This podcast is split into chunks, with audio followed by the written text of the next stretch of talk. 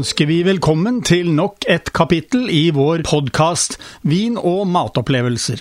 Som vi har gjort tidligere, vil vi tilby deg gode tips om mat og vin, ikke minst nyheter etter hvert som de kommer på Vinmonopolet. I tillegg til det vil vi ta spesielt for oss kombinasjoner av mat og drikke. Vær så god, det er servert.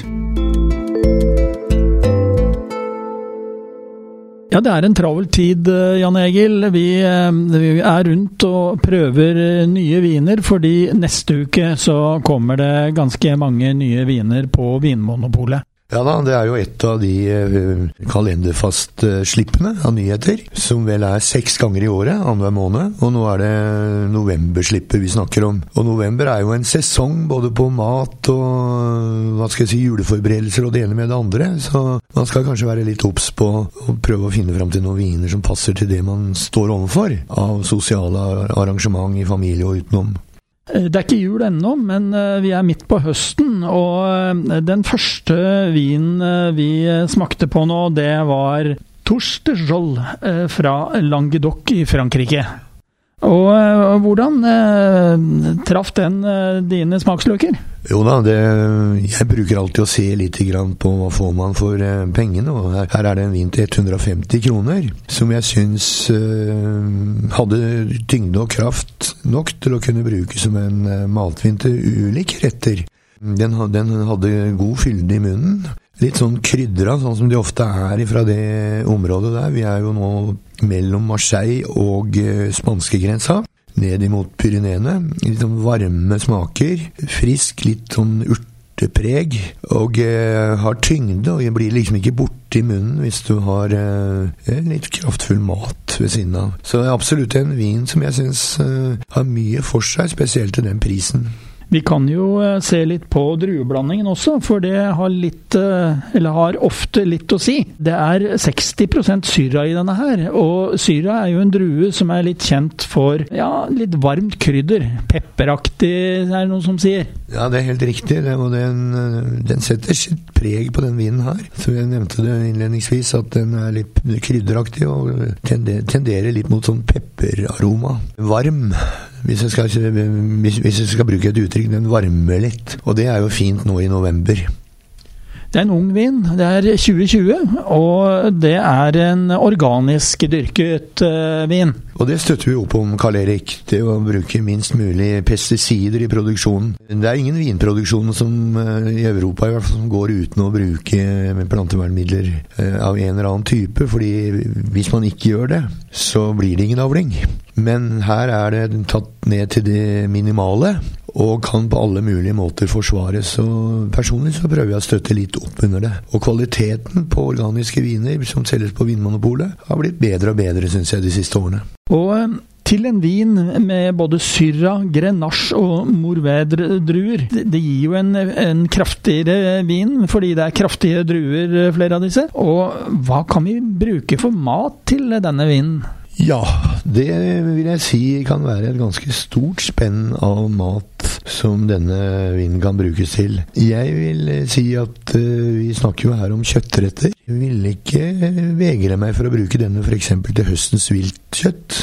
Hjort, rådyr, hare, men også fugler, altså en stor rype, den retningen ville denne vinen kunne gå veldig godt til. Det er jo selvfølgelig alltid litt avhengig av hva du har av tilbehør til eh, kjøttet. Kanskje ikke det aller feteste sausene, som jeg ville tenke på, men uh, litt av den enklere viltsausretningen ville dette funke bra til. Da forflytter vi oss til eh, Østerrike. Det er eh, da en drue som ligger bak denne eh, vinen her, som heter Zweigelt. Og hva vet du om Zweigelt? Ja, det er jo interessant. Egentlig før, før jeg leste meg opp på det nå, så visste jeg ikke så veldig mye. Men for å gjøre det kort, så er det en ny drue som er krysset fram. I, spesielt i Østerrike bruker de denne, og den passer sikkert da til den naturen som finnes der. Til det jordsmonnet og den naturen og den, de temperaturene som er der. Og Ehm, den, den har også litt krydra preg. Litt syrlig, litt Jeg tenker litt sånn Ikke søtkirsebær, men de andre kirsebærene som har litt mer syre i seg. Så den er absolutt fruktdrevet. Og ikke spesielt lagringsdrevet, da, for å si det på den måten. Så den har, den, hvis jeg skal bruke tre ord, krydra, litt syrlig, litt røde bær. Og vinen heter Gruber Røssitz Zweigelt. Og koster 160 kroner, kan vi si. Og um, ja, det, det var en, uh, en, vin som ikke var spesielt dyr, men uh, den hadde absolutt du kjente smaken på. Ja da, og den, vi er jo nå ute etter å finne noen viner som står til mat i sesong. November-desember. Og eh, dette er også en sånn vin som ikke bare blir borte hvis man har litt kraftfull mat. Den er ganske anvendelig til mat, vil jeg si. Det, det sy, den syrligheten som er i den, den matcher litt fett i munnen. Og eh, kan dermed brukes kjøttretter av ymse sorter. Jeg ville kanskje ikke gå på de aller tyngste kjøttrettene med dette her, men svinekjøtt f.eks.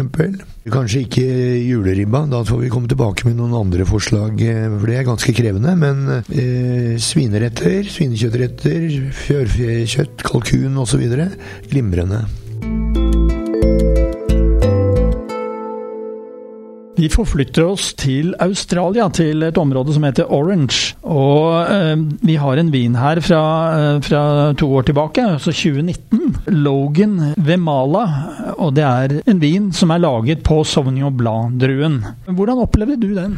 Ja, når, når, vi snakker om Sauvignon Blanc, det har jo vi en del erfaringer sammen, Karl Erik, så er jo det vanligvis, blir vanligvis sterkt aromatiske viner. Denne var ikke så kraftfull aromatisk som mange av de Sauvignon Blancene vi er kjent med fra Frankrike. Fra spesielt de vinene som kommer ned fra Loiredalen. De er veldig intense. Litt sånn stikkelsbær, eh, solbærbladaktig aroma som når du åpner flaska, så fylles hele rommet av det. Den er ikke slik. Den er eh, stilren. Bærer litt preg av det Hva skal jeg si Det er vel ingen som kjenner stikkelsbær lenger snart, men denne, disse norske stikkelsbærene har en sånn spesiell eh, aroma, litt i retning av sånn solbærblad. Og vi kjenner litt av det, men den er ikke så kraftfull. Den er um, litt mer mainstream på aroma.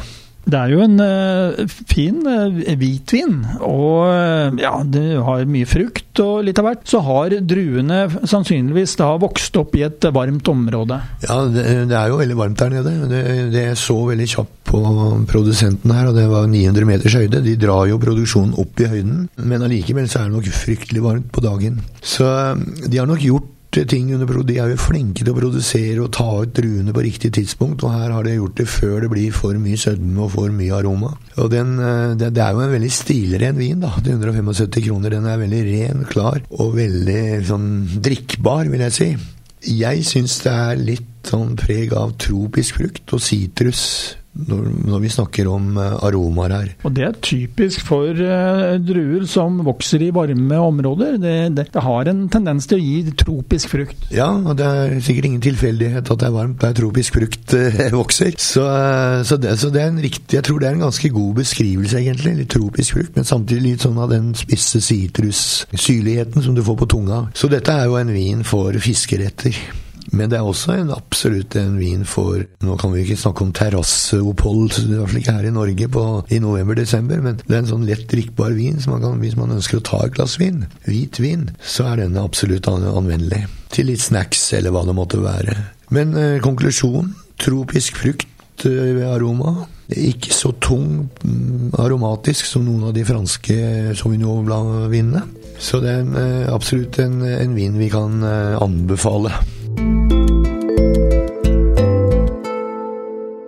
Da har vi lyst til å ta med også to eh, champagner som eh, nå kommer eh, på Vinmonopolet. Produsenten heter Champagne Emile Paris, og han har laget da en, en hvit, eller lys gul, og en rosé.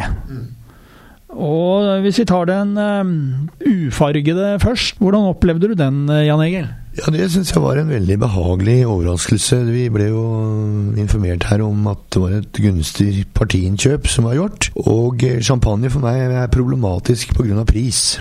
Ellers er jo det suverent. Det som vi ser her, er at vi får en, synes jeg, en veldig god champagne for rundt uh, 250 kroner. Og da begynner det å bli interessant, egentlig, i dag. Fordi da kan man eh, nesten begynne å sammenligne seg med kremanter, og kanskje tenke på å erstatte Proseccoen med en ordentlig champagne som har høy kvalitet. Og denne var jo enkel å huske også, for noe var et annet problem med champagne det er at det ofte er veldig krevende navn å huske. Så man har glemt det lenge før man kommer på trappa til polet. Men denne heter, produsenten heter altså Emile Paris. Paris, hovedstaden i Frankrike. Det vil jeg vel si, Karl Erik, at vi kan anbefale hvis man tenker i retning av champagne. Et godt alternativ til kremanter, f.eks.? Ja, absolutt. Og den har en veldig typisk champagne. Litt sånn gjærbakst. Du har litt sånn eplepreg på aromaen. Og mm, det, jeg syns på mange måter det er en klassisk hvit champagne som du får til en meget gunstig pris i dette tilfellet her. Ulempen er selvfølgelig da at vi er over på bestillingsutvalget, så du må forberede det kanskje med et nettkjøp. Den eh, andre er da en rosé, og det er akkurat de samme tradisjonelle champagnedruene som finnes i begge disse to. Men eh, det er altså en rosé fordi de har latt eh, pinot noir-druen som er i begge to, den har de da i den ene gitt lov til å lage farge. Ja, det er helt riktig. Det er jo blitt vanlig etter hvert at produsenten også har en rosé-versjon av champagner. Og den er sånn, den er jo litt rundere, syns jeg, men, øh, og litt mer sånn bærpreg-aroma øh, enn den øh, første. Det er vel kanskje ikke sesongen for rosa champagne nå, men likevel så syns jeg dette er et godt alternativ. Nå har kanskje du prisen på den nå, er det samme pris, Karl Erik? Det er ikke helt den samme prisen. Den første, eh, den hvite, koster altså 255 kroner. Den andre koster da 270 kroner. Ja. Så det er ikke store forskjellen. Det er jo solide produkter dette her, og det er typiske for champagner. Både den rosa og den hvite. Så at man får en veldig solid champagne til en pris som ligger vil jeg sagt hundrelappen under det du må betale ellers. Og eh, da nevnte du et stikkord i sted, og det var bestillingsutvalget. For alle disse vinene vi har nevnt her i dag, de får du på bestillingsutvalget. Jeg vil vel slå et slag for at folk må bruke bestillingsutvalget litt uh, mer. Og kanskje de da, um, sånn som jeg gjør, nemlig utnytter den muligheten som ligger i nettbutikken til Vinmonopolet. Ja, Det man må være klar over her, er at man kan ikke gå på polet og kjøpe en BU-vare, en bestillingsvare, eh, og tro at man har den på ettermiddagen eller dagen etter. Det tar vel vanligvis eh, ca. fem dager. Den beste løsningen, tror jeg, er for alle parter, det er at man gjør det gjennom nett. Så man legger inn, eh, identifiserer seg, og polets butikk da får muligheten til å ringe hvis varen blir liggende på lageret der. Så den greieste måten er, som du sier, å gjøre det på nett. Og så være klar over at det tar noen dager. Er det ikke fem dager, Karl Erik? Ca. fem arbeidsdager. Ja. Og eh, det som er eh, rutinen eh, som jeg har opplevd, det er jo nettopp at du får en melding på e-post gjerne om at varene er i bestilling. Og så får du en SMS når varene sendes fra hovedlageret til butikken. Og så får du en SMS når de er kommet fram til butikken, og da vet du at da kan jeg gå og hente det. Det tror jeg er en ryddig måte å gjøre det på. Den aller beste for alle parter. Da har du fått dagens podkast fra Radio Riks Oslo om mat og vin. Hvis du ønsker å abonnere på den, slik at du får den automatisk når nye blir lagt ut, kan du gjøre det. Kommende mandag får du neste kapittel. Vi høres!